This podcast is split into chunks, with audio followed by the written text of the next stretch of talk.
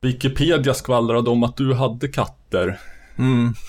Många så, jag tänk, ja, så att jag tänkte att det, då behöver jag inte ens fråga ifall du har problem med allergi eller så. Står det i Wikipedia att jag har katter? ja, alltså?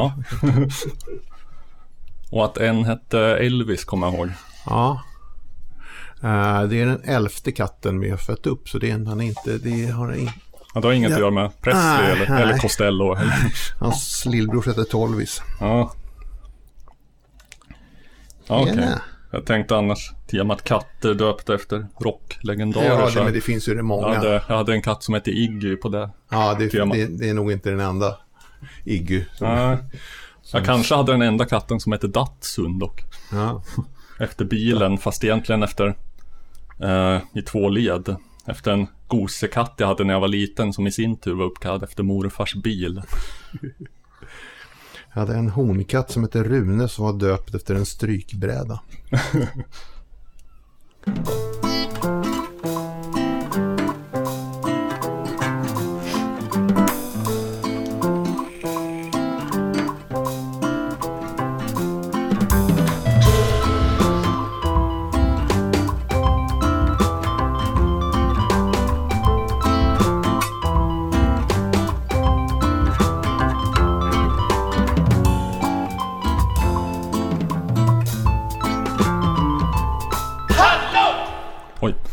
hallon på er. Eh, detta är musikens makt.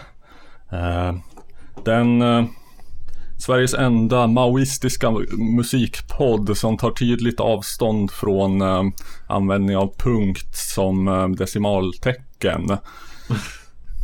Bredvid mig har jag Love Lenn. Ja, och gott du som pratar Mm. heter Robert Huselius. Ja, vi är inte ensamma i Kikki i studion idag. Vi har eh, förmodligen en katt som tassar runt fast då är inte eh, huvudpersonen i det här sammanhanget utan eh, jag är nästan lite, li, li, lite så här starstruck. Eh, en person som vars musik jag har lyssnat på i, i min arla ungdom. Så du har det? Ja, ja, ja. Okej. Vi kan komma in på det snart. här. Smickrande. Mm. Vill du säga vad du heter? Jag heter Johan Johansson, jag kallas för Johan Johansson i alla fall. Du heter det inte? Nej. Det är ett artistnamn. Ja, det är det nu. Det är lite tufft, att jag ha, det är lite tufft att ha Johansson som artistnamn. Ja, Nej, För att ja, de det, är, vi kan ju dra den. Jag gifte mig för några, år sedan. Och då ska man ju fylla i sån här äktenskaps... Eller vad heter det? Att man inte är släkt. Vad fan heter det? Hindersprövning. ja just det. Eh, Och jag fyller bara... Jag gör så här klassisk... Musiker så här, de skriver på allting som läggs framför dem. Så det gjorde jag. Och så kom jag på ett halvår eller ett år senare så blev jag varsat det practical joket att min fru har bytt namn på mig. Så jag, gått, jag, jag är en av de få människorna i Sverige som har gått omkring i ett år utan att faktiskt veta vad jag har hetat. Så du heter egentligen något annat nu? Eh, Morey. Okej. Ja. Jag har kvar Johansson också, så att det är Ja. inte bara ett artistnamn. Så att eh, det är okej att vi kallar dig för Johansson ändå. Ja, absolut, jo, men det gör jag ju själv. Jag är känd ifrån, eller jag är känd för. Men så kan det gå med namn. Mm. Ja, vi kommer in på hur det kan gå med namn, men det finns fler saker att säga om det. Men eh, jag skulle egentligen bara vilja gå rakt på sak och eh, fråga dig Love. Vilken är det vi har då? Det är den va? Nej, det var inte den. Det var ju din. Ja. Jag ville ha min. Det här är min.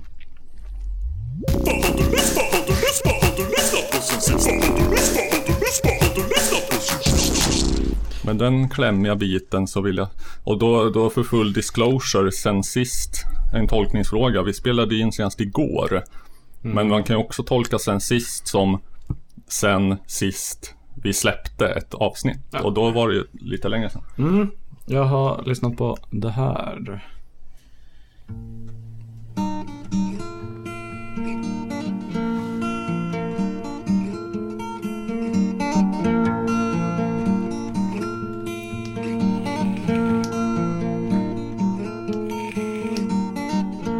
I'm putting you right out of my life.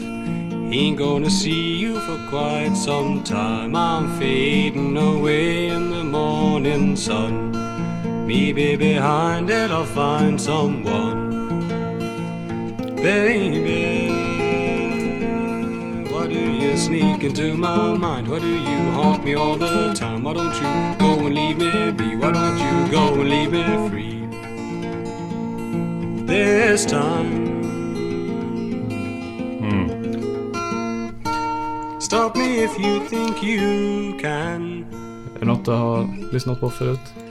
Eh, känner igen rösten? Eller jag vet inte, jag, jag tänkte först Bert Jansch, men det är det inte va? Utan han... Nej, Nej, men han är dock influerad. Det är John Martin eh, som... eh, det är hans första platta. Den är väldigt... Han är annars mer känd för att vara med liksom jazz och blues och allt möjligt.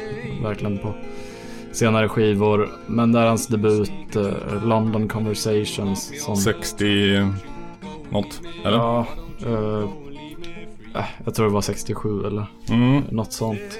Och Martin med Y va? Precis, precis. Man hittar Ehm, rätt. Den, eh, ja, han var 20 år när han släppte den. Eh, jag upptäckte den via att eh, Bridget uh, St. John eh, har eh, en, eh, en låt från skivan Songs for the Gentle Man som är en, en cover på en, en John Martin-låt. Så då dök jag ner lite i, Mm. i I, honom. hoppa ner i John Martin-träsket. Mm. Det har nog aldrig jag gjort förut. Nej, Tycker att det är dags kanske. ja, jag vet inte. Han höll länge. Jag såg Ja, någon film om honom nu, alltså för ja, något år sedan. Den, var inte, den filmen var inte gammal. Nej. Och då satt han och... Han, han hade fått amputera någon fot, tror jag. Jaha. mm. Eh, och var väl rätt nerkrökad. så, Men han spelade musik gjorde han fortfarande. Men jag vet inte om han lever nu. Jag Dog inte han för nyligen? Jo, jag tror Något, par, det. något år sedan eller två. Ja. ja. Ja, det, jag har bara lyssnat väldigt grunt men, men jag ska nog lyssna min. Han var ju så här, vet du, stapelvara bland de här Island-gänget, artisterna liksom. Han, Nick Drake och Mm. Fairport Convention-människorna. Så. Ja, han kände ju Nick Drake. Han har en låt på den här skivan som handlar om Nick Drake. Mhm. Ja, jag har alltid föreställt mig att Nick Drake var lite mm, inte tillhörde någon, någon, någon scen. Eller så här, att han stod utanför allting. Ja, Men jag tror han känns- hängde med det där gänget liksom. Ja, I alla fall för alla de det som var väl producerade av Joe, Joe Boyd.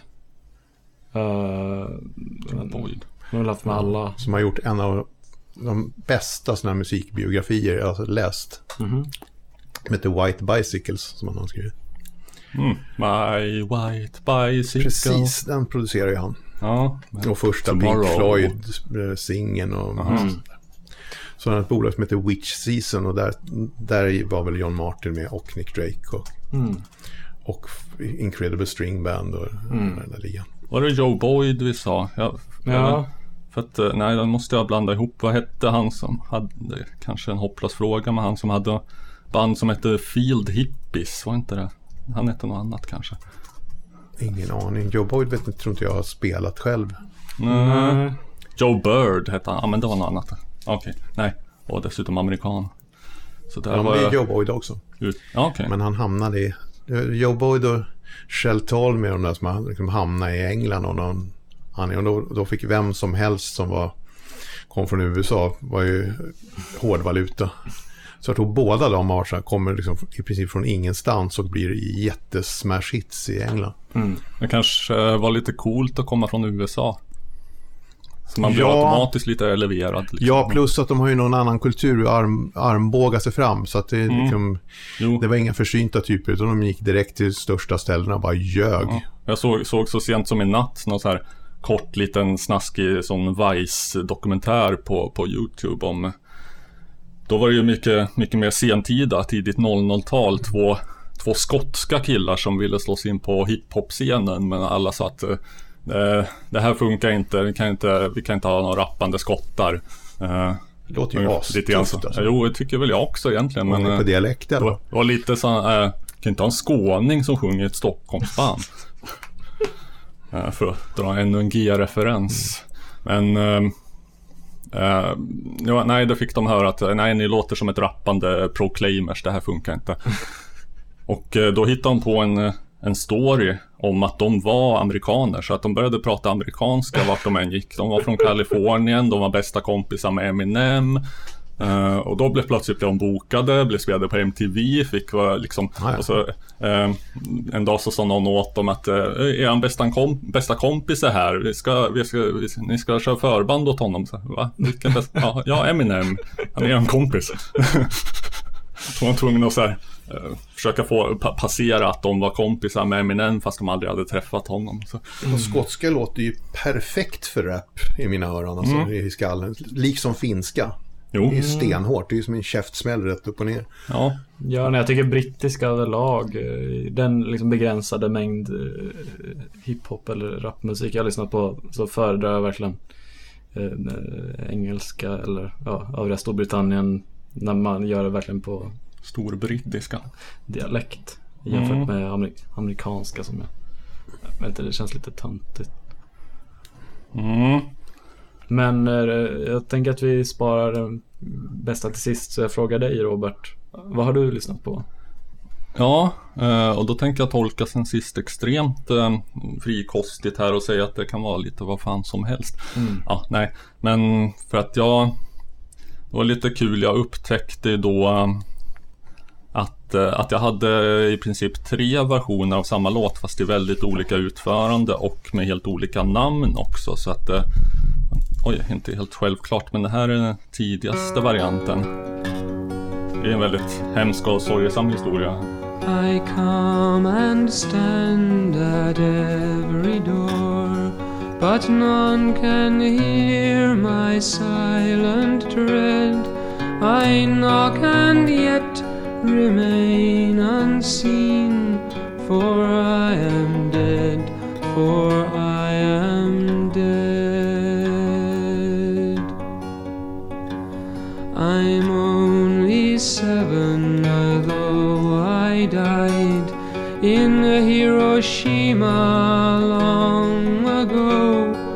I'm seven now, as I was then. When children die, they do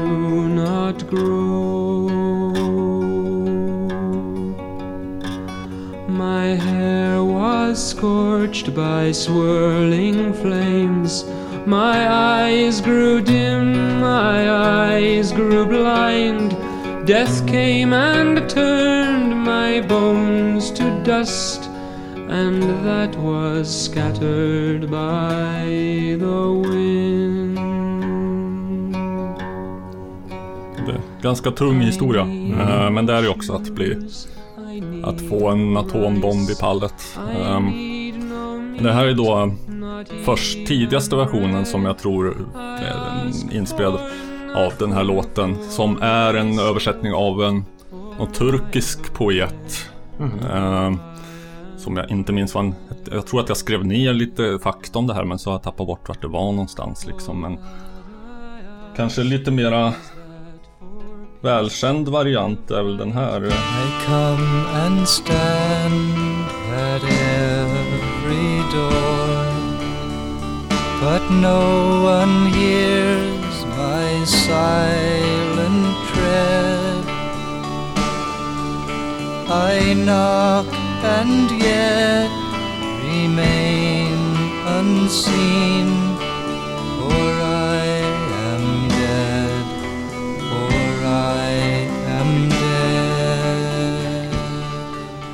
Nu har ju Love lite fusk här för du sitter bredvid mig och ser skärmen. Men eh, Johan, är det... Det Ja, har nej, jag vet, nej jag, det kommer ju vara fel. Jag skulle ju gissa på någon sån här Radio McGinn, men det är det nog inte. Det är det väl, för han spelar väl i Birds, Ja. blottar jag min... Det är Birds, okej. Ja, ja. för det var det jag trodde, men sen så är det ju inte femstämmigt, så då tänkte jag det kan inte vara Birds. Ja, just det. Nej. Nej, de plockade upp den här fast eh, den, den första versionen var någon engelsk man som heter Harvey Andrews som jag inte känner till från något annat. Men det heter en Children of Hiroshima. I den här varianten hette den I come and stand at every door. Okej. Och eh, i nästa version så heter den någonting ytterligare annat.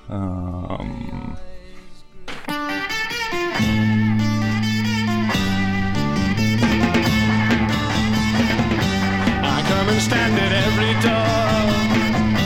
But none can hear my silent shred. I knock and yet remain unseen, for I'm dead. Yes, I am dead.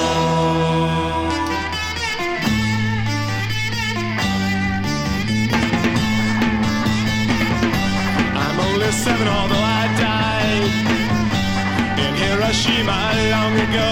Hot, no! Seven now, as I was then, for I'm dead. Yes, I'm dead. fan är det med dig Karl? Det här är då uh, The Misunderstood.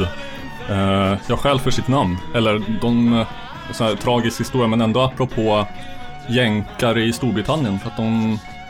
Jag tror det var så att de var över i Europa på... Um, jag vet inte, okänd anledning. Att de, att de ville slippa undan att bli... Vad heter det? Draftade. In, ja, just det. Uh, indragna i Vietnamkriget. Jag tror de var britter. Helt övertygad om. Ja, jag har för mig att det var, jag kan blanda ihop det också, men jag tror att de kom från USA. Och eh, deras, de hann ju tre alldeles fantastiska singlar. Eh, med bland annat den här låten.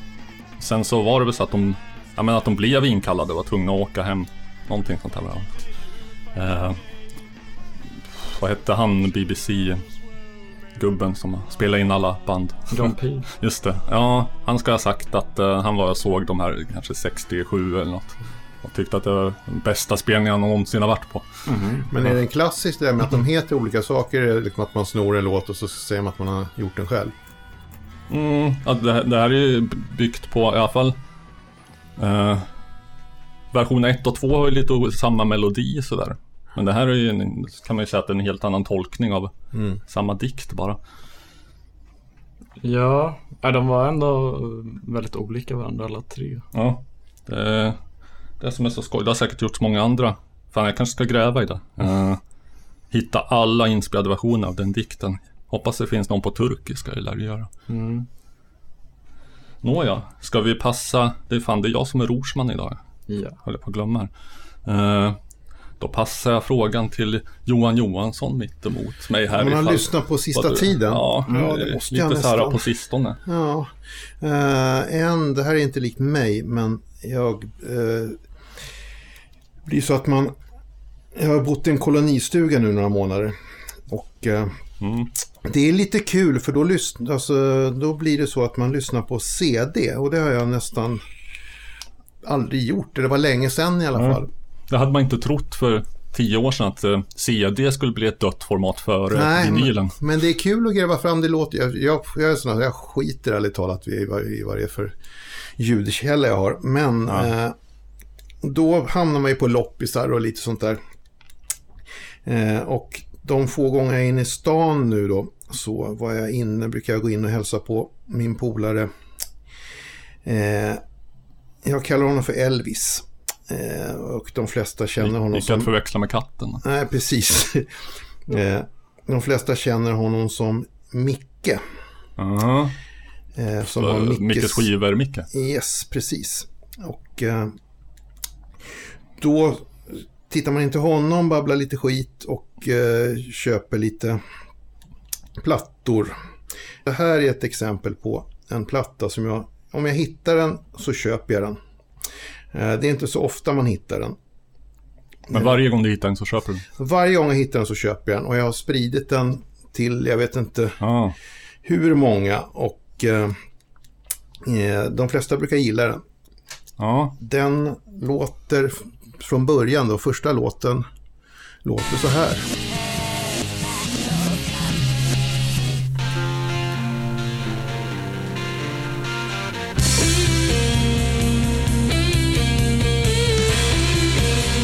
Jag igen.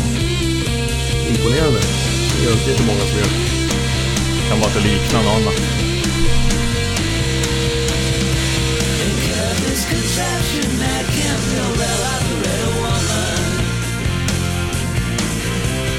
Is she speaking from the heart? Maybe blasting from another world? Or just the emissary of a hardcore inside the body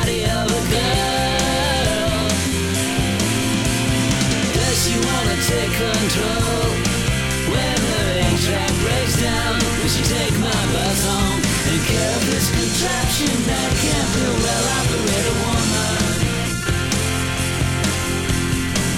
Is this some sort of for the one woman Dean heading for the crash? Is she half who she ought to be?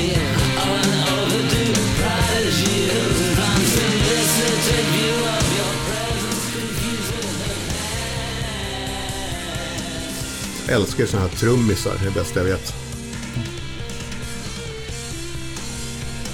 Är det någon som kan ta det? Jag får ta tillbaka mitt tidigare om att jag kände igen det för att det var nog att det liknar något annat. Vad, vad är detta? Eh, Jag, det är en av mina absoluta favoriter. Det här är, den, albumet heter Kontiki Ja, och bandet heter Cotton Mother. Döpt efter någon gammal intolerant amerikansk predikant. Okej. Eh, som en platta som är, den är gjord någon gång i millennieskiftet på en Adat. Sån Så det är hade, några vi, grabbar, sån ja. hade vi i gymnasiet. Ja, den låter enormt bra för att vara gjord på en Adat måste jag säga. Åtta kanaler. Eh, och eh, som blev en sån här kult. De är från Texas. Ett litet independent band. Som gjorde det på någon jätte, jätteliten label. Och någon av de som hörde den plattan var eh, Noel Gallagher. Mm. Så det första de fick göra det var att åka runt som förband till Oasis i, i Europa då. Ja, de höll på då fortfarande. Ja. Eh, och Noel Gallagher tyckte att den, den här, det är den här plattan jag försökt göra i hela mitt liv. Ja, Okej. Och det kan jag förstå. Den är jävligt bra. Jag har blandat ihop Liam och Noel. Vem är det som har... Ja, det är Noel som gör låtarna. Ja, till- Och Liam som, Liam som sjunger. just det. Det är så mycket vi Jag har ingen jätte, jättestark relation till Oasis. Men det här Nej. älskar jag.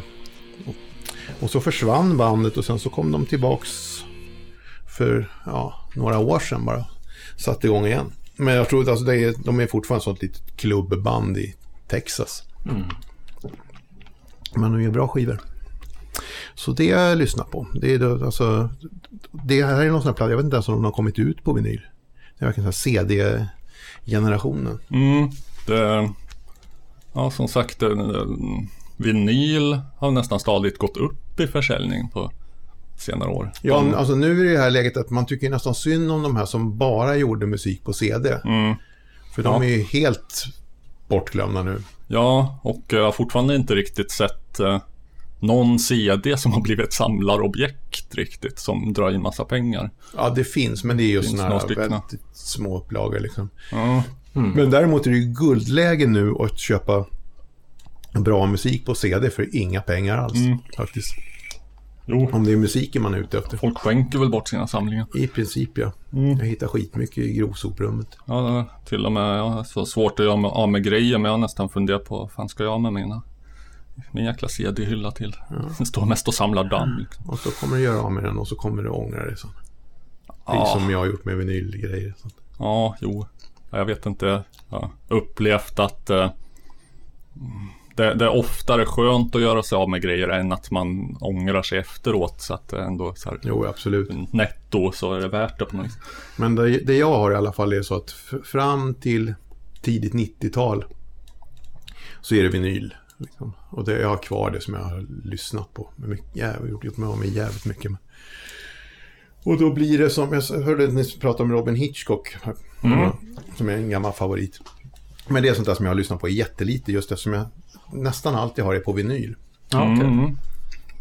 Och det är säkert sånt som folk springer benen av, med, av sig för nu. Så gamla, gamla Robin Hitchcock på vin, vinyl. För de sålde inte många ex när de...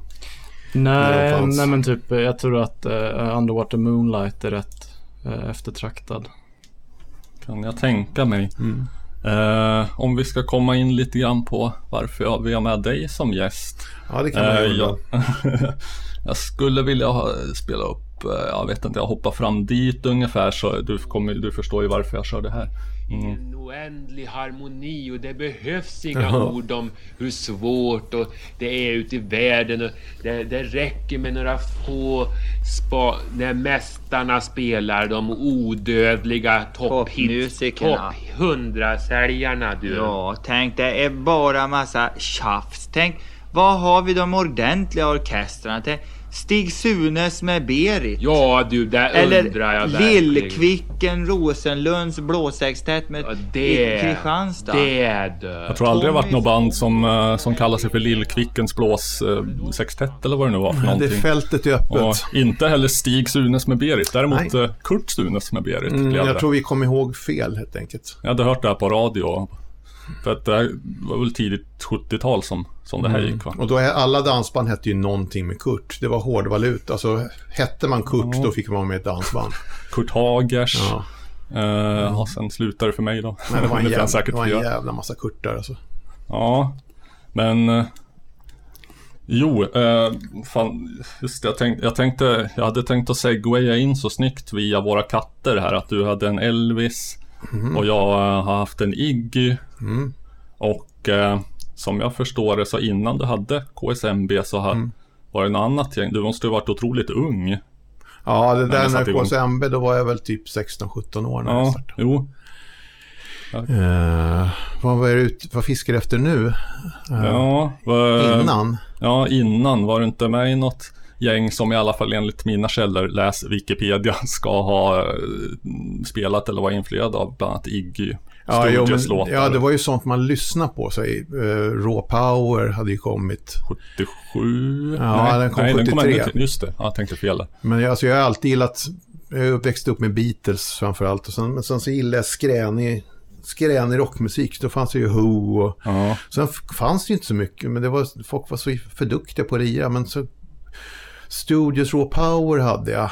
Och första New York Dolls-plattan, MC5, kom, upptäckte jag väl lite senare. Men det, det fanns ju inte så mycket sån musik.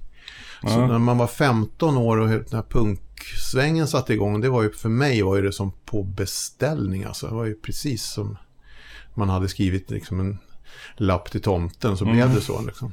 Men du, du var ändå redan lite, vad ska man säga, förberedd, musikaliskt förberedd på det genom att du hade lyssnat på Ja, Punk, ja, eh, Farfar, Iggy och sånt. Ja, jag hade ju suttit hemma och dunkat trummor till gamla Who-plattor och sånt där också. Så jag... Bara så här försöka hitta det råaste som finns att tillgå. Ja, men grejen var att det vara så himla fann... rått då. Ja, det var, det var snarare så att det, liksom, jag, jag visste ju vad jag ville göra, men det fanns liksom ingen... Det fältet fanns inte. Ja, Så, och det, det, det, liksom, det kom ju med, i och med punk. ja. Liksom. Det var, Eh, för en gångs skull i livet hade man en jävla timing. Ja, ja men verkligen. Du var ju precis i rätt ålder också. Mm. Eh, Är det, är det Strid Terrari som anses vara den första punkaren i Sverige? Han var ju tidig i alla fall. Kriminella gitarrer var väl, det var väl de, någon av de första som gjorde singlar och så i alla fall. Mm. ja, Men KSMB var ju egentligen, liksom, det var ju inte, man kan ju inte påstå att det var något punkband. Vi, vi såg inte ut så, vi rörde sig inte så särskilt mycket i de kretsarna heller, utan vi var ju vi var ju förortsunga som var, hade lyssnat på proggmusik och som gillade när det skramlade. Liksom. ja. på var inte, var inte samma så här vattentäta skott mellan progg och punk i Sverige som kanske... Inte som folk tror nu. Nej. Eh, men jag, alltså, jag litar... Si- Silence började ju ut punkare så fort punken kom och liksom... Ja, ja i, Stockholm, i Stockholm var ju, var ju de här proggbolagen var ju, stod ju med öppna armar. Mm. Verkligen. Vi hamnade ju på MNV då. Yes, det kommer något nytt Ja. som eh, kan blåsa lite liv i det här Ja, ja, oh ja. eh, gamla... Jo, det var ju så. Och, medan, medans, och så kollar man på, på Göteborg, där var det mycket mera, alltså de ville ju inte ha med punkbanden att göra, för det var inte tillräckligt politiska texter och, då, ja, och så vidare. Och, och det var ju de som, det var ju de som gick under först. De tid, tidigaste punkarna, de, de var väl lite mer nihilister eller så här allmänna provokatörer. Flörtar med det mesta, liksom bära hakkors och, Mm, ja, jo. och finns väl någon, läste väl någon krönika av eh, Tommy Rander, apropå Göteborgsproggarna. Mm. Om han var ju kommissarie, punken, det, det är någon sorts kvasi-fascistisk rörelse som bara är ute efter förstörelse och negativitet. Ja, och framförallt så var det inte tillräckligt liksom, partitroget. Sådär. Det, var inte, det, var inga, det var inga ärare. nej, nej, det får man nog leta förgäves Men, efter men, men, i, men i Stockholm var det ju mycket flummigare på något sätt. Det var ju, det var ju eh, högskolestudenter och intellektuella liksom som, som gillade att hålla på med musik. Och så, men, så för oss var det ju perfekt för det fanns ju, alltså det fanns någon slags eh, infrastruktur liksom för både för musik, både för att ge ut skivor och, Ja, och för spelställen och just allt det. De, möjligt. proggarna hade redan krattat manegen, liksom gått före och startat så här, egna bolag och distributionskanaler. Ja, ja, alltså jag brukar, Spelställen. jag säga att liksom progggängen, det var ju liksom, det var ju de sista som var så här föreningsorganisatoriskt bevandrade och som var duktiga på sån struktur. Och, sen så, och det var ju perfekt för oss, för vi hade ju inte grejat att göra det där. Nej, nej, inte i synnerhet om ni var 16-17. Nej, nej, nej, utan vi, vi hamnade ju bara rätt in i, det, liksom in, in i deras maskin som de hade byggt upp. När de, när de var färdiga med att ha byggt upp den, då, då, då började, började de själva dö liksom. Oj, vilken härlig maskin ni har. Ja. Perfekt. Vi Ja. behöver ju en maskin. Ja, ja, men det är lite grann som de här som köper ett gammalt ruckel och så renoverar de en kåk och sen när den är färdig då är det, då är det inte så intressant längre. Nej, just det. Nej, de kanske är mer intresserade av att bygga upp. Ja, ja s- är det här nå- något jag bara fått för mig eller sa man från allra första början punk i Sverige snarare än punk? Nej, jag har inte använt det i alla fall. Nej, jag tror att det, var så här, det baserar på någon enstaka något tv-inslag eller något med någon sån gallerian-punkare som sa ju- punk. Ja, men i början, i början, i början kallades ju allt för punk liksom. Men jag minns när jag var, jag jobbade ju på, på posten, det snackade om tidigare. Mm. Så att vintern, alltså över nyår 76-77. Och då var jag 15. Eh, och då hade jag tjänat lite egna pengar. Så då åkte jag till London första gången så åkte jag utomlands. Mm. Utan föräldrar sådär. Och då hamnar man ju mitt i, jag har inte hört talas om, om punksvängen då alls. Men då Nej. hamnar man ju mitt i, det var ju Sex Pistols överallt. De hade gjort den första The Damned. singeln. Damned, hade kommit. Och Var du och såg de här banden? Nej, tyvärr inte. Jag skulle gå på, på Roxy Club eh, nyår 77, men då blev jag, fick jag en flunsa så då kunde jag inte gå. De spelade Clash och Heartbreakers och... Oh. Men, ja, men sen, jag har ju sett, jag har ju sett många utav dem givetvis sen. Uh, alltså man, dels åkte, var, var man ju där jätteofta och sen så kom det ju en massa med band hit. Så man fick ju se alla de där Pistos och Clash och allt vad det var 77 Mm. liksom. Vi kan sticka emellan med lite Damned, tycker jag.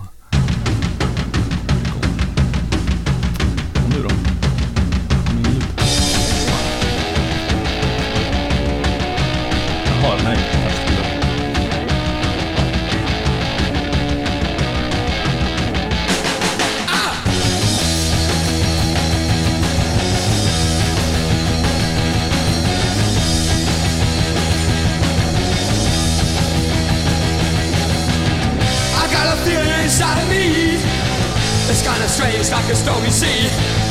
I don't know why, I don't know why. I guess these things have gotta be. I've got a new rose, I've got a good. Guess I knew that I always would. I can't stop to mess around.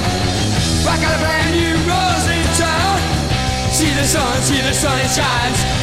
Don't get too close or it'll burn your eyes. Don't you run away that way. You can come back. Så jag var ju inte riktigt född vid den här tidpunkten. Men jag kan förstå att om man är 15-16 och det här kommer och det har inte, har inte riktigt funnits något. Ja, det har funnits lite Iggy, lite MC5, lite här och där. Mm, framförallt så var, så var det ju väldigt viktigt att vara tekniskt duktig på att spela. Ja, Eh, och, och jag har aldrig varit så... Alltså, spela kan jag göra, men det, det är det som är grejen för mig. Och det här var ju perfa på det sättet. Damned är jävligt... Jag har turnerat med Damned åh fan. eh, ett par gånger. Trevligt folk. Mm. Så det var kul att du spelade dem. Vi hade, jag kommer att tänka på den här, eh, det var en artikel vi läste från Musikens Makt som handlade om punk just. Som vårt husorgan, ja. Ja, den Eh, brukar jag köpa. Det var, ja. Jag har några nummer här. Och det var, det var just, eh, de pratade om de här eh, namnen på punkband, de fördömda då, eller vad. Ja, Och, det, eh, det tror jag inte var från Musikens Makt. Nähä, det var från, var det? Ja, men det var något annat. Det var något annat, men det var Jo. någonting också, bögskiten. Ja, Det var någon, någon, också denna Tommy Rander som ondgjorde sig om punkarna, pankarna. Ja, men det, men Eh. det känns lite grann som att så här gamla morfar som eh, Ja, fick tokspel på Elvis och som tyckte att... förutom att Tommy Rander var kanske typ 27 då. Ja, samtidigt som man säger att Tommy Rander och Naxvin, de gav ju faktiskt ut Motvind som var något av det, något det, det. det enda sån här rock'n'roll-band, proggen och den som jag brukar gå och titta på på ungdomsgårdar överallt. Jag har Mm. på ungdomsgården i Bagis och tittat på Motvind. Var låg den någonstans? Nu det- ska vi säga, det vi sitter ju i jag Bagis här. Ja. I centrum eller? Ja, förmodligen. Ja, Det fanns ju en ungdomsgård vid varenda tunnelbanestation. ja. Ja, ja. Ehm, fan, vart var vi någonstans? Love, ta vid. Ni kom från eh, Skärholmen, eller hur Ja. var det? Mm. Hur, hur, hur såg, eh, fanns det någon eh, liksom, eller Stockholm var väl så nära så man behöver väl inte hålla sig till. Men fanns det några andra band som kom från? eh, Ja, alltså grejen är att då, man var ju så pass ung då så att jag har ju varit, jag, jag tillhör ju den här 25-kortsgenerationen som fick ett åkkort av mina föräldrar. Så jag, jag har hållit på och åkt in till stan. Så, men samtidigt så var ju liksom världen man levde i var ju väldigt mycket runt en och samma tunnelbanestation. Och man, det, var, det var rätt vattentäta skott mellan de, mellan de som bodde i Bredäng. Till, det, var, det var när man kom till gymnasiet som man träffade dem. Men i Skärholmen Man valde just, att bygga förorterna så också. i Skärholmen just så var det, var det mycket hårdrock. Alltså Ja, det, de band som kommer från Skärholmen, förutom oss, i alla fall från den tiden, det är typ Treat, eh, Heavy Load Ja. repade där. Eh, och eh, sen, ja, sen kom ju en tum då, där, men det är långt, då, då hade inte jag bott där på 15 år när de dök upp. Fan, det minns jag inte att... eh, Vi har haft Uffe Sedelund här Ja. från en tumd. De var från Vårberg, i alla fall Nick, Nicke bekant. där, Andersson. Ja. Okej. Ja, Det kommer jag inte ihåg. Det kanske vi pratade om i och för sig, att han var därifrån. Hur, men hur gick det till när ni fick eh, kontrakt? Oj då, nej det, ja. Skickade man in en demo eller var det någon som scoutade och kollade Nej, jag på? ska säga så att jag har ju aldrig haft ett skivkontrakt i hela mitt liv. Jag har aldrig skrivit på något. Ja. Eh, Ändå kom ut skivor på något sätt. Ja, precis. Men eh, nej, vi, vi började ju spela. Först så spelade man på ungdomsgården. Och lite ungdomsgårdsgig. Och sen så fick vi lite spelningar på latinoklubbar att spela på. Av någon anledning. Men alltså för en salig blandning folk som var mellan, mellan 8 och 80 år. Eh, Chilenare. Mycket, men vi körde ju, vi marknadsförde oss genom klotter. Och Just det. det. skulle ju inte gå nu, men vi, vi, eftersom jag jobbar på posten så hade man ju alltid en tuschpenna i fickan. Eh, Så var- det var verkligen så att i, i hissarna, i varenda jävla hiss i hela stan så stod det KSMB. Överallt. När vi sen gjorde en platta, då var, det, då var det tre skivbolag som gjorde en samproduktion med en samlingsskiva som heter Bakväg 80. Dels var det musiklaget som gav ut de här hemma hos-plattorna bland annat. Ja, just det, som vi hörde Ja. Janne och Kjell. Sen var det Mistru som gav ut Ebba och, och så var det MNV. Och sen så var, då var det väl kanske kan det vara sju, åtta personer från deras personal som var där på ett möte. Alla hade hiss, bodde i hus där det var hissar som på SMB. Så jag hade liksom redan eh, så här, präntat in det i deras Ja, alltså, vi, alltså innan så typ sent, alltså 78 då när vi började spela på riktigt ordentligt. Då vi, vi var ju det här bandet som alla hade sett men ingen hade hört. Ja, jag har Alltså- sett, sett er i hissarna. Precis, alla, alla hade liksom hört talas om det men, in, men ingen hade hört det. Och sen så, ja, ja men sen körde vi på sen helt plötsligt så spelade vi på ett ställe som heter Musikverket på Götgasbacken. Numera ligger ett ställe som heter Hellstone Musik där. Just det. Uh, där Halkans spelade vi... affär. Nej, inte Eller nej? Halkan. Nej, Det här ligger ganska på, nej, krö, på, inte krön, på krönet på Götgasbacken. Okej. Hellstone Musik. Uh, nere i källaren där så var det ett ställe som heter Musikverket. Så vi spelade och Grisen skriker har jag för mig. Jaha. Uh, något annat, typ Alien Beat eller Beach Boys eller något sånt där. Man ordnar ju gigs tillsammans. Eh, och det var en, samma dag som jag fyllde 18. Eh, och då, då var det folk från MV där som bjöd ner oss till sin studio. Mm. Eh, och så åkte vi till deras studio en vecka senare. Det var ingen som hade satt sin fot i en studio tidigare. Och sen så rev vi av det vi, vi spelade live, rätt upp och ner. Eh, och det tog väl ett par timmar och det blev en platta som hette Bakverk 80 som... Ja, det jag vet inte hur många låtar vi höjde, en sju, åtta stycken och sånt där. Ja. Men, då, ska vi höra något, den här? eller? inte, för, inte för min skull. Jag vet inte om det, jag vet inte om det finns på Spotify ens. Ja, ja det, Tveksamt. har vi. Eh, kollar jag på Youtube här men eh, ja, just den verkar inte riktigt vara representerad. Men eh, bara för att folk ska veta vad det är vi snackar om så vill jag ändå eh, då kan vi istället köra, vad fan vilken var det jag tänkte på? Eh, den här till exempel då. Har väl ut alldeles strax därpå. Ja.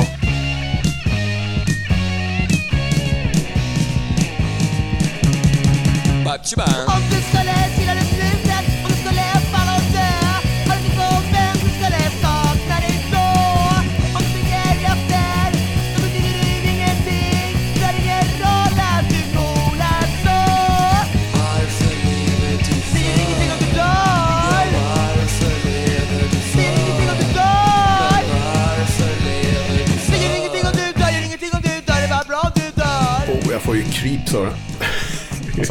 får ju creeps av den här.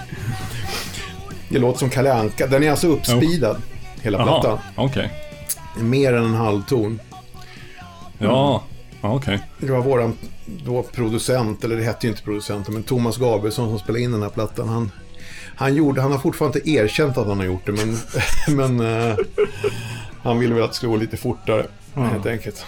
Ja, men det, det, var ju ganska, väl ganska ovanligt ändå bland punkband att eh, ni hade ju två sångare med Ja. väldigt olika karaktär liksom. Ja, Lite jo. olika röster. Jo, det var, alltså, det var ju ett gäng polare från, från plugget. Det var liksom, jag, var jag... Det var jag och han som, Matte som spelade bas. Vi hade spelat tillsammans lite tidigare. Och, det, och han var egentligen pianist. Men, det, och, men i princip det var ju vi som hade hållit på med musik innan. Eh, sångarna hade var in... Ja, det, det, var ett, det var ett blajband från början och sen så blev det ett ordentligt band av det. Ja, eh, jag, jag har, får jag blotta min dåliga research här. Eh, ja, som sagt, jag lyssnade på det här när jag var i tidiga tonåren. Kan vi säga att jag ärvde lite efter min far. Okej. Eh, han är född 59. Han lyssnade på, var väl mera Ebba Grön kanske, när jag var liten. Och, eh, men även, även minns jag att det förekom KSMB. Men jag, jag har aldrig riktigt vetat så här, vem är vem av sångarna? Vem har den grova rösten och vem har den Nej. inte grova? Ja, det får de väl reda ut själva. Det, Ja, det, det, där, det där är en liten, det där är lite story med sorgkant måste jag säga. Jo. För vi, vi hade vi, jag gick med och gör, på att göra ett gig på Bråvallafestivalen för några år sedan. Eh, mycket på grund av att en Gullars, en av gitarristerna, var väldigt sjuk och höll på att dö. Ja, just det. Som Eh. Stefan Sundström har gjort en låt om. Ja, just det. Vi var, det, det, det gänget, ja. Eh, och det var Stefan Sundström som lotsade Gullars till KSMB en gång till. Mm. Sundström spelade gitarr med KSMB typ på något gig. Okej. Eh, alltså då för länge sedan? Ja, ja, eller? 1980. Jaha. Detta var nytt för mig. Ja, men, så, men, men han hann ju dö innan det där blev av. Då var den bollen redan rullning. Men det, det tog en ände med förskräckelse. Det blev så mycket Mm. skit, och, skit och uppblåst hybris runt det där. Så att det är, är, det är riktigt tråkigt när det är något, något som man borde vara rätt stolt över. Men som man bara nästan mår illa när man tänker på. Mm, ja, vi behöver inte gå in på den där. Nej tack. Den, vi ska inte hålla på och snaska oss i sådana saker. Men Det var alltså, lite snask i alla fall det här med uppspeedningen och... Ja, jo, men, men det, Thomas, är, Thomas är väldigt speciell. Eh, och han fick någon så här infall. Han, har gjort, han, har, han, han, han är bra på att få fram det bästa. Han, han spelar in alla KSMBs grejer. Och så gjorde han det som jag tycker är det bästa. Som när Wilmer X var ett riktigt jävla bra rock'n'roll-band. Det är Thomas också. Eh, han, alltså, nej, han är väldigt bra producent. Jag har lärt mig jättemycket av honom när jag producerar själv. jag vill ändå höra lite grann här i, längre fram med, här, i den här låten. Håll käften, era jävla smörja! Vad fan, du har ingenting att döda för! Men jag lika mycket värre som ni, jävla För jag, jag tycker liksom så här, att den här ändå... Eh, dynamiken mellan de här rösterna. Att en är lite så här ettrig och lite mm, gäll och en är grov så här. Inget Ja, de kan- där. Jo, de gifter sig bra på ett Ja, sätt. Liksom. det är lite grann så. Jag tänker på Chuck D och Flavor Flav i Mm. Public Enemy som hade lite samma dynamik också. Och Från där början- också har varit en del gnissel på senare år, tyvärr. Från början hade vi faktiskt fyra sånger. Jaha. Det var en jävla massa folk med i det där bandet. Ja, ja men där läste om det var... Vad hette ni KSMB då? När Nej, här- Skärholmens gymnasiums punkensemble hette vi först. För vi kom Ja. på det att när när det var en himla massa folk i Ja, det var helt plötsligt så, så när jag gick i gymnasiet, i ettan i gymnasiet så blev alla beordrade till, till eh, aulan. För att höra en uppspelning av Skärholmens gymnasiums jazzensemble. Mm. Sån här modern jazzgrej. Eh, och då lyckas jag få reda på att om man håller på med någon kultur, alltså man kunde alltså få ledigt från lektionerna Ja. för att Golden förbereda något uppspel. Liksom i, och då, det, var ju, det var ju rätt många som var pigga på, Mm. på att hänga liksom i musiksalen. Och, Vi, vi jobbade med att göra, göra en skoltidning med samma ursäkt i Ja, mellanstadiet. Ja. Och smita från matten. så första upplagan var väl typ 15 pers. Det var folk som spelade skedar och såg och jag vet inte vad. Ja, sågen då. Ja, och sen så var det, sen så tyckte väl alla att det var färdiglarvat utom några stycken. Ja, Jag har funderat över det här, det, som man säger då att det är punken, man behöver inte kunna spela. Men det känns som ändå de, de i Sverige i alla fall som är mest ihågkomna var ju ändå riktigt bra på att åtminstone skriva låtar men också sina instrument som KSMB, Ebba Grön, eh, Grisen Skriker. Är ju, eller så blev Ja. de bra med åren. Jo, ja, men sen så det byttes ju lite folk. Liksom, till, till, äh, till slut så var vi ett riktigt bra liveband. Liksom. Det var, Mm. och, eh, och vi har väl alltid haft, alltså det som, vi försökte ju, alltså vi kände ju inte riktigt att vi var ett punkband. Så, så att eh, vi drev ju lite med kulturen, alltså med den bagen också. Och sen så, så gjorde vi den här, det här låten du spelar är från vårt första egna album. Ja, Eh, och när vi gjorde, aktion. Just ja, det heter faktiskt ingenting. Nej, okej. Det heter bara KSMB. Eh, Det är väl det där, den här lilla Ja, grejen på omslaget. Det är, det är Hattis, Hattis Stevenius salig åminne som ja, han kläftade bara till det där för att det skulle se ut som någon slags telegram eh, text. Men eh, sen så gjorde vi en, nästa album vi gjorde så då försökte vi göra, alltså det var faktiskt ett försök att göra kommersiellt självmord. Mhm. Eh, och då gjorde vi allt sånt där som punkband bara inte skulle göra. Liksom man börjar med en sju minuter lång låt med bara en jävla massa gitarrsolo. Mm. Eh, fortsätter med lite så här music hall-grejer med, med blåssektioner. Det var ju också tabu. Mm. Eh, och lite sånt där. Men det... Så jag, jag är jävligt lite road varje gång som... Det finns några låtar där från typ en låt som heter 602 Mm. på Schlager som jag har gjort. Eh, som är... Alltså när folk refererar då till punklåten, när, alltså det man försökte göra är att nästan reta upp vår egen publik liksom. Ja, Men, jo. eh, för se- 602 är väl nästan er mest kända låt. ja, jag Om- tror nog det. Det är den folk brukar skrika Ja, efter. en och Slemish. Slemmiga torsken. Ja, ja. Men för att eh, den lät ju så här då.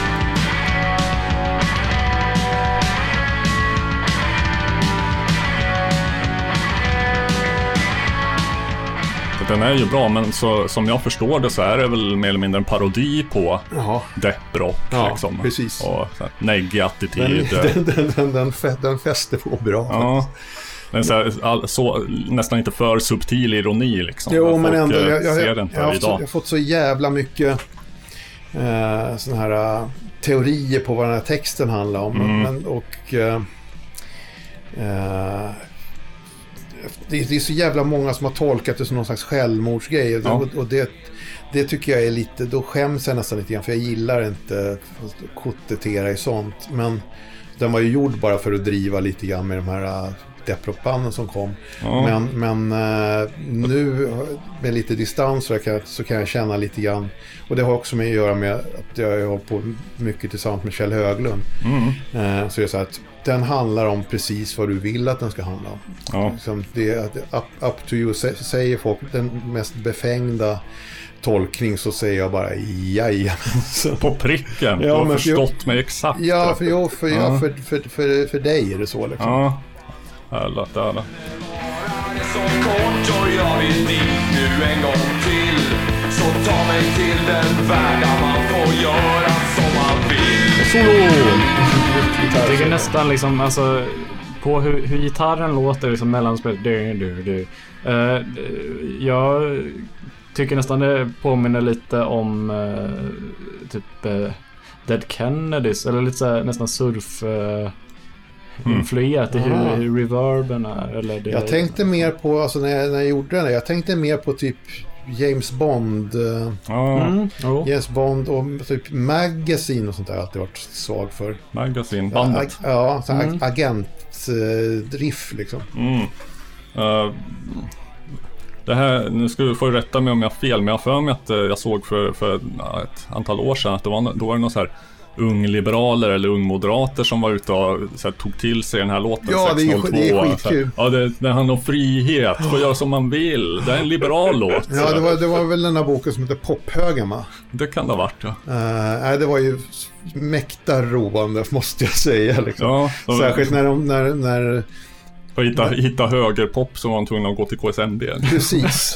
I synnerhet som det är liksom jag som har gjort den och det är någonting som jag har tyckt har varit viktigt så är det liksom att våga stå för att vara liksom halv halv- halvkommunist vänsterperson liksom. Ja, Sen, sen, sen behöver inte alla älska det men... Skrev inte du något dräpande svar på Jo, det? det gjorde jag också. Ja, Jag minns, jag minns inte vad det var för forum. Det var någon sån där... äh, ja. Något som inte finns kvar va? Ingen aning. Source, hette inte det? Source, just det. Jag var tvungen att ge den där snubben svar på tal när, när han... Och de, de var bara på nätet eller? Ah, Source? Nej, ja, de var, pappers. var, var inte det någon... Var inte det någon sån här typ pocketboks... Uh, tror jag i alla fall. Det är inget som jag har gått och köpt eller, eller, eller läst. Men jag har Mm. för mig att de gjorde en, alltså att det var sånt, som en tidning fast en pocketbok. Okej, det bara plingar till i bakhuvudet när du säger source, men fan jag minns inte vad det kan ha varit för någonting. På, på tal om halvkommunist så eh, var, var det Strindbergs först eller var det John Lenin? Jag var Strindbergs först, direkt, Okej. direkt på. Och det var ju mer, då fick man ju egentligen göra det man ville göra. Mm. Det var svårt och jag spelade ju trummor med, med KSMB och gjorde de flesta låtarna. Mm. Och det var jättesvårt att få dem som... Det är ungefär som när jag, om jag kör typ den här 602 eller någon av de här låtarna nu så tycker jag det är jätteskönt för då får jag äntligen sjunga den melodin som jag har gjort till låten från början. Alltså det, det är inte samma som är på Mm. Nej, inte, nej, det kan man ja, inte riktigt. Men, men, eh, men det, är, det är jävligt svårt att visa saker för, för folk som är totala amatörer. Liksom. Mm. Eh, vil, vil, vilket det var faktiskt. Men, Ja, men, jag antar att ni inte spelade efter noter. Men, eh, men, men med Strindberg så var det kul för då, var det, så träffade jag i samband med att, att vi slutade med KSMB så hade jag blivit bekant med en kille som heter Janne Borg genom våra respektive flickvänner som umgicks då. Han, han spelade i ett modsband som heter Moderns. Var väldigt, väldigt långt från det vi pysslar med i KSMB. Men eh, Ja, som kom från Malmö. Mods var väl, vet jag inte riktigt vad. Jo, vet, äh, Jag tänkte The, på The. Jam och sånt äh, hade väl, de hade ju tagit upp Ja, just det. Jo, men det äh, var lite, de, de, de, det var väl någon, någon, någon slags skånsk variant på The Jam. Så. Mm, Eh, men, men vi fann ju varandra för att vi, har, vi hade ju precis samma musikaliska rötter han och jag. Vi har lyssnat på samma musik sedan vi var små. Och, Ja. liksom, och, eh, och han var en jävel på att spela bas. Eh, och jag ville inte spela trummor. Så att, men han, han har gett mig sånt grymt förtroende i Anneborg. Eh, han lät mig öva. Jag hade, jag hade ju spelat så mycket gitarr så hade jag, så jag hade gjort låtar så, men jag kunde inte spela egentligen. Nej. Men jag satte mig ner i två veckor och sen så lärde jag mig ungefär det jag kan idag. Mm. Eh, Det har inte hänt så mycket sedan dess, för jag spelar åt fel håll. Alltså jag är vänsterhänt men spelar höger. Ja, Eh, bara hänvisa till Jimi Hendrix ifall någon börjar bråka om det. Ja, Jimi Hendrix spelar ju vänsterhänt. Ja, eh, okej. Ja, ja, just det. Jag spelar liksom åt, jag spelar felvänt för mig Ja, själv. ja, ja. Eh, och, eh, så, och då blir man ganska begränsad. Man kommer till någon viss, alltså man kommer till någon, någon viss nivå, men längre än så blir det inte. Mm. Men det räcker i alla fall för att göra det, det som vi gjorde. Och, och vi var runt, spela så in i helvete. Vi, vi gjorde tre, vi räknar på det någon gång, vi gjorde 300 gigs. Eh, vi gjorde tre album och vi gjorde tre singlar. Och på lite, och vi höll på lite kortare än tre år. Mm. Så det var, Det- och hade heltidsjobb samtidigt. Intensivt spelschema, ja. verkligen. Några gånger i veckan i alla fall. Ja. Men det var just den här typen av ungdomsgårdarna. Man Ja. kunde göra hela turnéer i, bara i Stockholm. Ultrahuset eventuellt. Definitivt. Mm. Där eh, vet jag att min far hängde, för att det låg ju fan Haninge någonstans. Så. Ja, vi bodde där också, i Jordbro, tills jag började skolan. Okej. Jag, är född 80. Ultrakåken är ju verkligen hemmaplan och Tompa Eken har gjort... Han borde ju stå staty tycker jag. Ja, han får som- smälla upp någon på Kärrhovsgatan i alla fall, mitt emot 44. Precis. Ja, Det var en sån jävla skön grej när vi gjorde förra året när vi, när vi drog ihop den här uh, hyllningskvällen för Tompa Eken. Eh, Men var det han gick, eh, drog sig tillbaka? Ja, och sen så var han ju, alltså han har ju inte några pensionspoäng att prata om liksom. Och så blir det så här, vi måste ju göra någonting för honom. Stått och bakat bullar i 40 år. Mm. Så vi gjorde en sån här, jag och Tony Johansson som jag spelar med nu ibland. Och eh, vi fick låna, ni, vi pratade med eh, Fredrik Granberg som då höll i Södra Teatern. Som Mm. spelade med ett band som heter Randy en gång i tiden. Som också har spelat på 44 mycket. Aha. Eh, och han, Skatepunk? Ja, punkband. Ja. Och, eh, och han var så här, jepp, je, givetvis, jag fixar till, ni får låna det gratis liksom. Allt, allting ska gå till Tompa. Och så måste vi ha någon, en eller ett par sådana dragplåster, så vi skickade ut lite mail till folk vi kände, så här, till rätt stora akter liksom, och, och, och fråga om de kunde komma och spela några låtar. Och sen så eh, trodde vi att få, kan en eller två av dem säga ja så är vi hemma liksom. Alla svarar ja. Mm. Vad var det för line-up? Man, Det Money Brother var väl? Money Brother, eh, Monster gjorde sitt första gig på tio år och sånt där. Jaha. Det var Refused, Teddy Bears, Infinite Mass, vi gick KSM3 då, Sundström, Sator, eh, Psykbryt, det var eh, alltså det Teddy Bears, vad sa jag Ja, det? Eh, Weeping Willows. Mm. Eh, det var jävla, alltså det var må- många grejer som skulle kunna fylla det där stället flera dagar bara själva. Och så skickade vi ut biljetterna och de sålde slut på 13 sekunder. Ja. Och så körde vi en dag till. Så vi, kunde Oj. ge, oj. vi kunde ge en rejäl klump pengar till Tompa och det var Mm. skitskönt. Jag, eh, jag kommer att tänka på det. Det är en av eh, låtarna på Money Brothers eh, skiva med svenska översättningar av låtar. Heter just Jag skriver inte på något. Mm. På tal om det du, du sa förut. Ja, samtidigt så kan jag, kan inte, jag kan inte rekommendera att göra det för samtidigt så är det ju ett... Man tror att man har... Man har någon sån här handskakningsdeal med, Mm. med, med vänner. Men sen så går det ju ett tag. Som om man kollar på våra gamla KSMB-grejer så är man, det är Universal som äger det nu. Mm. På, Ja. på, på samma handskaknings... Så de kan göra lite som de vill med det. Får ni någon, uh, trillar in någon liten slant Det- från det- Spotify då och då eller? Det trillar in så skamligt lite. Ja. Hej Universal. Eh, jag räknade ut det någon gång att, att eh, om, alltså, min, min egen musik ger jag ut själv nu för tiden. Mm. Det finns ingen anledning att vända sig till skivbolag. Eh, och för att, för att en KSMB-låt ska ge mig lika mycket som ett klick på min egen musik Mm. så tror jag att det måste klickas ett par, 300 gånger. Mm. Och det är lite man får för något man har gjort själv kan jag säga. Ja, oh. Så att det, det handlar om, alltså det, det är ett skämt hur dåligt de bet- betalar just gammal backkatalog. mm. Från det ena till andra. Jag tänkte, jag, jag letade upp den här. äh, Det var ju när äh, en av de positiva delarna av Corona var ju att äh, KB släppte fritt Ja, sitt dagstidningsarkiv. Hann fan tyvärr inte rota så mycket i det. Ja. Är det fortfarande fritt? Nej, tyvärr inte. Nej, det var någon kortvarig deal de hade. Mm. Men eh, då hittade, sökte jag på punk, eller punk som vi säger här i musikens makt. Eh, Och eh, då hittade jag den här eh, från Aftonbladet var det 1976. Rockbanden heter Skönspistolerna, De förbannade, Slagsmålet och Vibratörerna. Sex Pistols Damned, Slagsmålet vet jag inte vad. Kul att försöka dechiffrera, vilka kan det vara? Slagsmålet. Uh, är det The Clash? Kan det vara det? Ja, möjligt, ja just det. Och Vibrators. Idolerna heter Skabbråttan, Johnny Rutten och det bästa av allt, Bögskiten. Ja, underbart. Ja, Men vet alltså- inte, du, du vet inte heller vem Bögskiten är? Vi satt och Nej. funderade på det. Nej. Vad fan kan det vara? London-ungdomens nya rockidoler som slår sönder lokaler, spottar och pissar på publiken. Så framställdes det. Alltså det är inte för jävla skönt att det går, går upp. Alltså, så om man kollar på så här Sex Pistols och som i, i, i UK var liksom samhällets fiende nummer ett. Vad Mm. gjorde de egentligen? De sa knulla i tv. Ja. Det var liksom... Det var, eller så här, Alice Cooper kör någon... You dirty fucker. Jag, jag, jag hade ju en klubb på Nalen för några år sedan.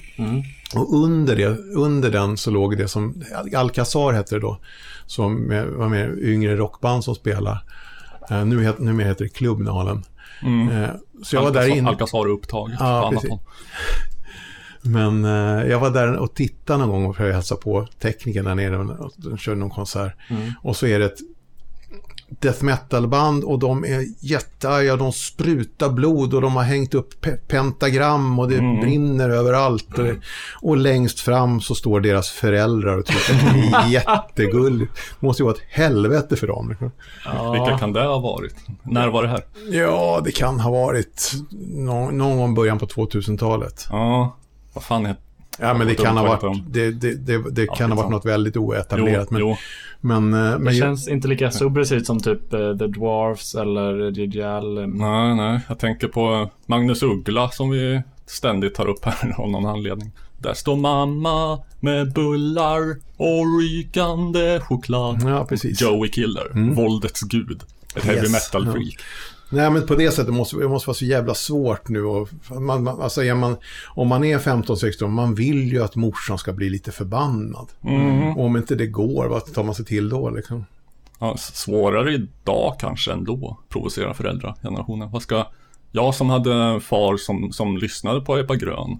Alltså jag, jag hade kassettband som var inspelat alltså med mig på när jag sjunger och sånt. Eh, hemma hos morfar och mormor. På dagis kan man höra mig sjunga så här. Eh, för Gud gillar inte fattiga, Gud gillar inte svartingar.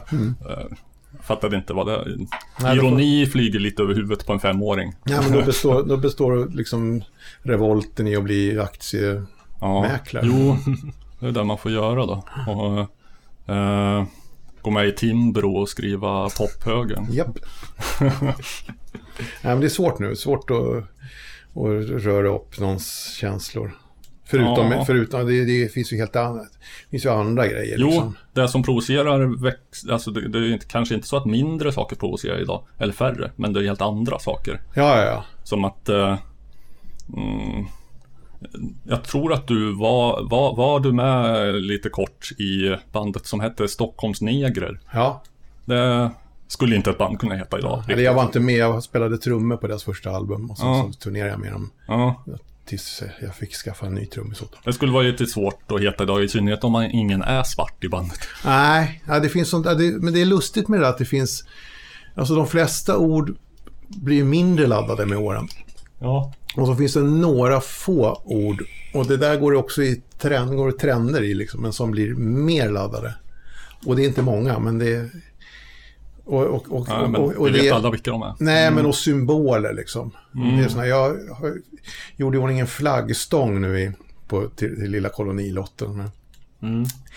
Eh, och sen ska den, jag tänkte den stod där och ruttnade så jag ska ta ner den där. Jag tycker flaggor är det töntigaste jag vet. Men eh, jag tänkte, ja, men jag gör i ordning den och jag tog ner den, mål, höll på att slipa den och måla den och lacka den svart. Bara det är ju sån här tabu. Ja, Och så inte sett ett svart flaggstång. Nej, och så hittade jag lite ställen och beställde flaggor så jag liksom hiss- hissade upp det när det var... Och så gjorde jag någon sån här, också lite grann för att provocera, men jävlar vad enkelt det är. Jag försökte hitta, eftersom jag jobbar då inom omsorgen, om man ska säga Mm. själv just nu, eh, så är det ju så jävla... Istället för att stå på balkonger och applådera, Just det. så som, som, Gjorde folk under någon vecka. Så. Ja, så alltså ge folk lite schyssta arbetsförhållanden och Ja. ordentliga löner istället. Inför en helg där till, till liksom som vårdpersonal. Mm. Finns det något land som har haft det? Jag började, googla på det. Det visar sig att just nu, nej det finns inga som har det. Ja, just det. Någon nationell röd dag liksom. Japp, men vilka, Ja, vilka hade det? Sovjetunionen hade det. kan jag tänka mig. Eh, och det var alltså typ två veckor sedan. Mm. Ja, ja, som den skulle ha varit då. Yes, så Okej. att jag skaffade en gammal Sovjetflagga, hissade upp den i flaggstången, tog en bild på det. Eh, På den svarta flaggstången. och, ja, och la ut det på Facebook och skrev att det här är för att fira sjukhuspersonalens helgdag. Så hissade jag liksom flaggan för det land som åtminstone hade, var anständig nog att ha det. Och sen får man tycka vad fan man vill om, om, om resten, men det här, det här är till alla som jobbar inom, inom vård och omsorg. Och jävlar vad folk blir, blir, blir provocerade av det. Jo. I synnerhet de här, alltså mina gamla polare som verkligen var bokstavstrogna kommunister back in the days. De blir så jävla förbannade om man får höra att nej men du hyllar mord, du hyllar... Nej, jag hyllar sjukvårdspersonal. Som de som har gjort den här vanliga svängen. För kanske var maoister och blivit höger. Eller? Ja, ja, ja, det finns ju gott om det.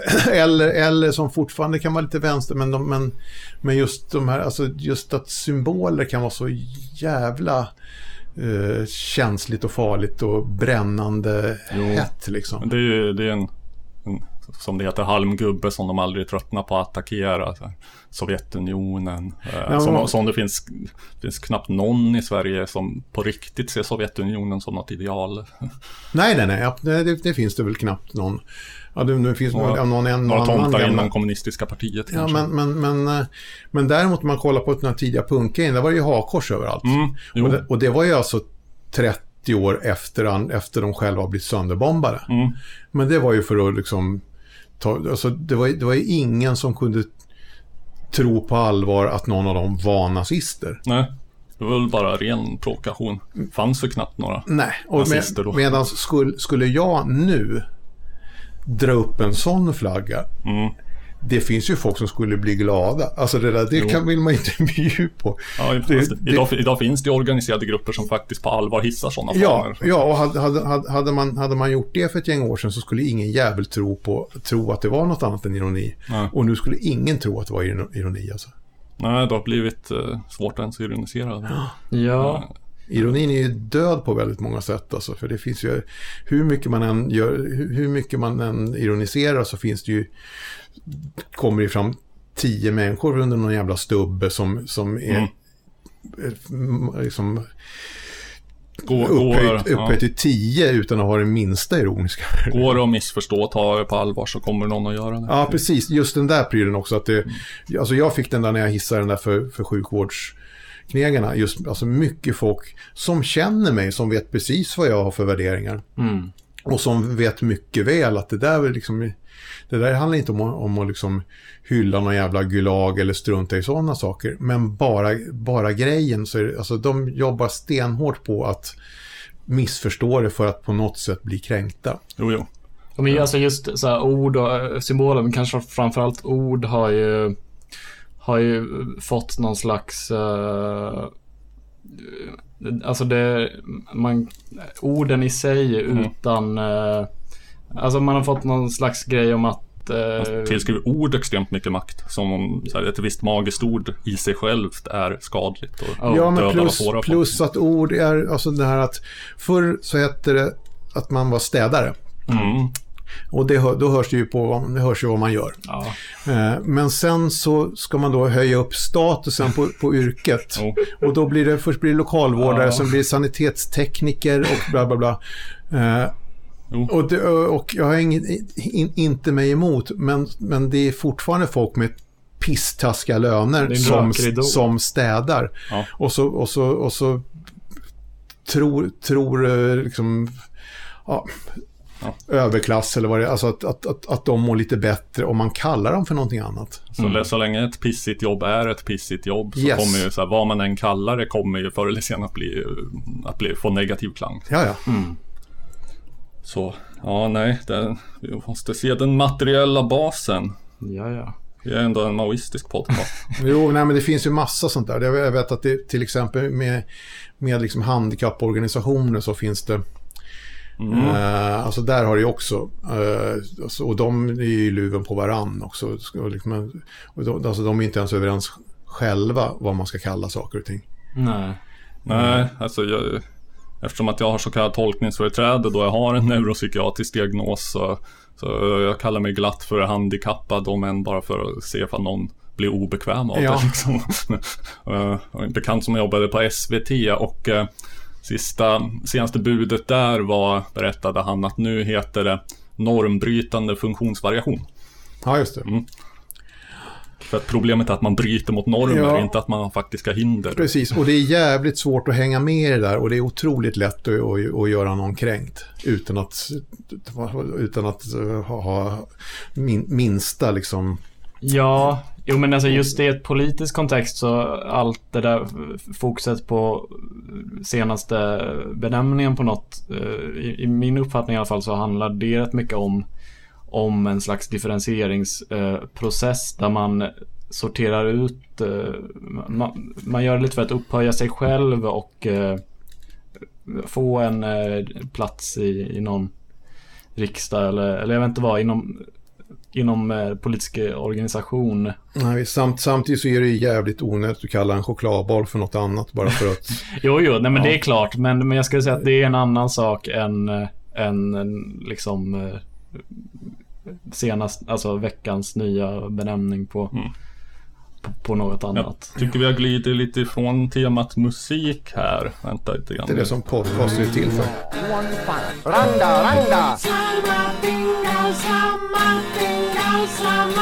Så jag tänkte att med den lilla trudelutten kanske vi kan försöka styra skutan tillbaka till det ämnet. För att jag, vi, vi berörde som hastigast här eh, mm, dina allra tidigaste influenser, Iggy. Och eh, jag blivit lite nyfiken på vad, vad lyssnade du vad lyssnade du mer på i samband med att du kanske själv började spela musik med Skärholmens gymnasiums, vad det heter. Ja, men jag har alltid lyssnat på... Jag är uppvuxen, jag är född 1961. Mm. Eh, Det första minne jag överhuvudtaget har i livet, det är att Beatles spelade på ett tv-program som heter Drop In Ja. i Sverige. Ni- Sex- Slutet på 1963, då var jag Ja. två och ett halvt år gammal. Mm. Jag kan inte komma ihåg ens mina föräldrar före det. Eh, och på den vägen, så det, det är fortfarande mina främsta husgudar. Liksom, som jag, så, Mm. Sån musik, jag har ju alltid älskat k- klämmig 60-talsmusik med mycket melodier och bra tryck. Liksom, Mm. Bra, bra eh, attityd. Ja, mycket som uh, i alla fall somliga i så här tidiga punken. Vi kan ju, ja, uppenbara exemplet Ramones. Ja. Vill egentligen, ja, de, vi- de ville spela rock, Ja, det- rock'n'roll, bra, bra rock, så här, kanske inspelat av typ Beatles och girl Be- groups. Beach Boys, och, mycket, väldigt Ja. mycket så surfmusik tyckte jag Mm. Ramones lät som. korta, snärtiga, melodiska Mm. rocklåtar med bra melodier Mm. och så här. Mm. Eh, Det var egentligen, det var väl det enda de ville egentligen. Men eh, vad, vad var det mer som snurrade runt på skivtallriken då? Who? Ja, eh, Who- Kinks? Who, ja. ja, King, absolut Kinks. Jag hade en, en äldre kusin som var född på 47 tror jag. Mm. Lasse. eh, och han, han eh, matade på. Jag, jag, vet, jag, jag kan inte, vet inte hur det gick till, men jag vet inte om min, mina föräldrar gav honom stålar för att handla julklappar och sånt där till oss. Mm. Och då fick man liksom så här, ja, mycket gamla king, Kinks och Tages. Och, Mm. och eh, jag, har- jag har alltid haft rätt mycket musik hemma. Och alltid varit... Min mo- morsan var alltid väldigt uppmuntrande. Jag kom ju, min mormor var ju musikant själv. Så, Okej. så, eh, och sånt, det Ja. har alltid... Vad musicerade hon för något? Hon var, ja, mest av allt var hon väl op- operettprimadonna. Mhm. På Oscars och, och sånt där. Och, Känns ju som ett visst steg från det till ja, ja, oh ja, oh ja. Oj. spela punk på ungdomsgården. Ja, och, alltså de, det, jag tycker inte det är särskilt kul att lyssna på hennes gamla skivor. Hon gjorde rätt mycket plattor. Eh, det låter för jävligt tycker jag. Ja. Men, eh, men det uppmuntrades alltid till musik liksom hemma och man fick alltid... Jag, jag har konsumerat musik sedan jag var väldigt, väldigt liten. Hade ni instrument hemma? Nej, det, vi hade min mormors gamla luta. Oh. Eh, som var här, en brockluta, som, precis likadan som Evert Taube. Brockluta. Ja, jag vet inte vad han hette i förnamn. Brock. Alltså, Jaha, det var hand, handbyggd luta. Inte som i ljumskbrock. Nej, jo, det stavas likadant tror jag. Okej. Eh, och den lutan har varit med. Hon sjöng för rys- soldaterna var i ryska fronten på vinter, så vi, vi, vinter... Åh fan. Alltså östfronten va? Mm. Eller nej, mot, mot tyskarna. När de, Så hon där nere. Och uh, är rätt tufft när man pratar med henne. Alltså hon har ju... På här, sista åren hon levde så... Hon blev nästan hundra så var man där och surrade lite grann. Så här, gemensamma turnéminnen. Och det har inte hänt så mycket liksom. På, det är ingen större skillnad på 30-talet och, och nu liksom. Nej. Förutom att det var krig då kanske. Ja, men alltså, hon, var ju, alltså, hon bodde i, i Sankt Petersburg under revolutionen. Okej. Så det är tufft alltså. Och sen så åkte hon tillbaks och spelade för ryska soldater så under andra världskriget. Vilket öde. Ja, Men du nämnde Tages här. Det skulle jag väl Ja. ändå säga är så här. Eh, man lyssnar på svensk 60-tal. Det är inte mycket som kanske riktigt står sig mot eh, Beatles och nej, Kinks. men de är outstanding. Tages var ju på riktigt, alltså de håller i internationell klass. Oh ja, Så verkligen. tycker jag vi kan höra lite grann på.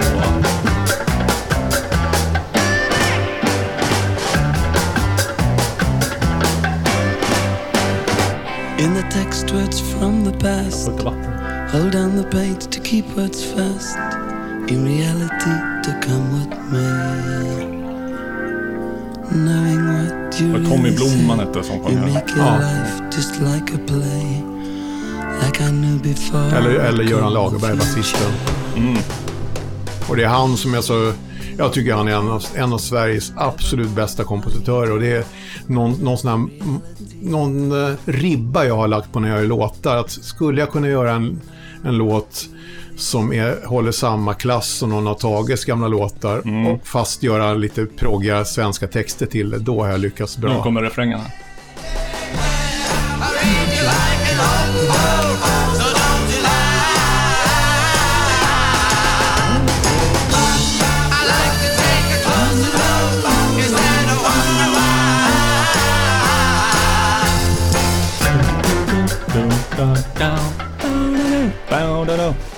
En eh, komplex liten låt där. Ja, men det, det är fan en av, de, en av de få i Sverige, så kollegor i Sverige som jag kan bli starstruck för. Det är Göran Lagerberg alltså. Jävla geni.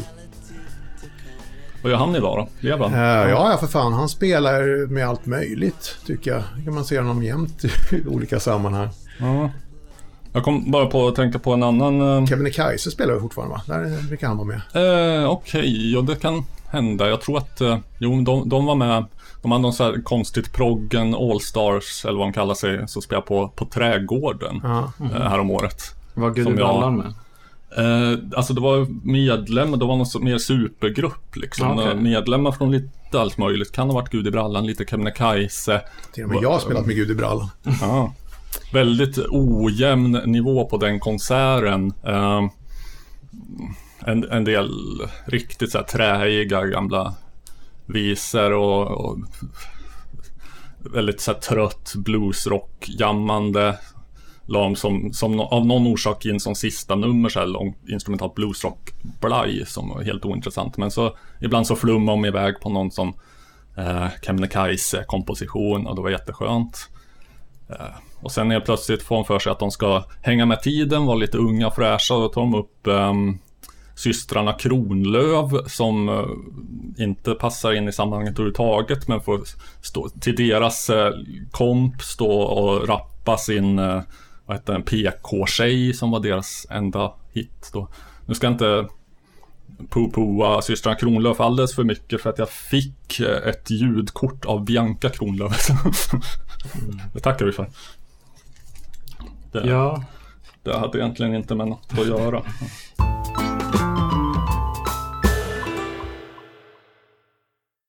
Ja, där var det slut för den här gången, men det blir mer Johan Johansson i nästa avsnitt.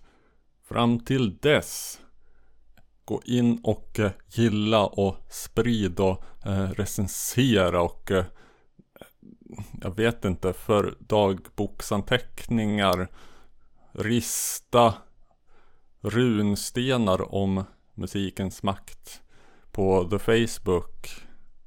Allt det där kan man göra där nämligen.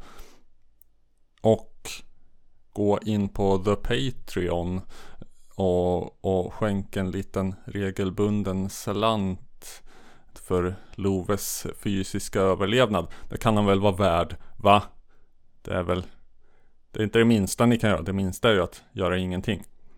Men det är vad en anständig människa gör som, som vill stötta kampen för den proletära och progressiva musikens utbrednad.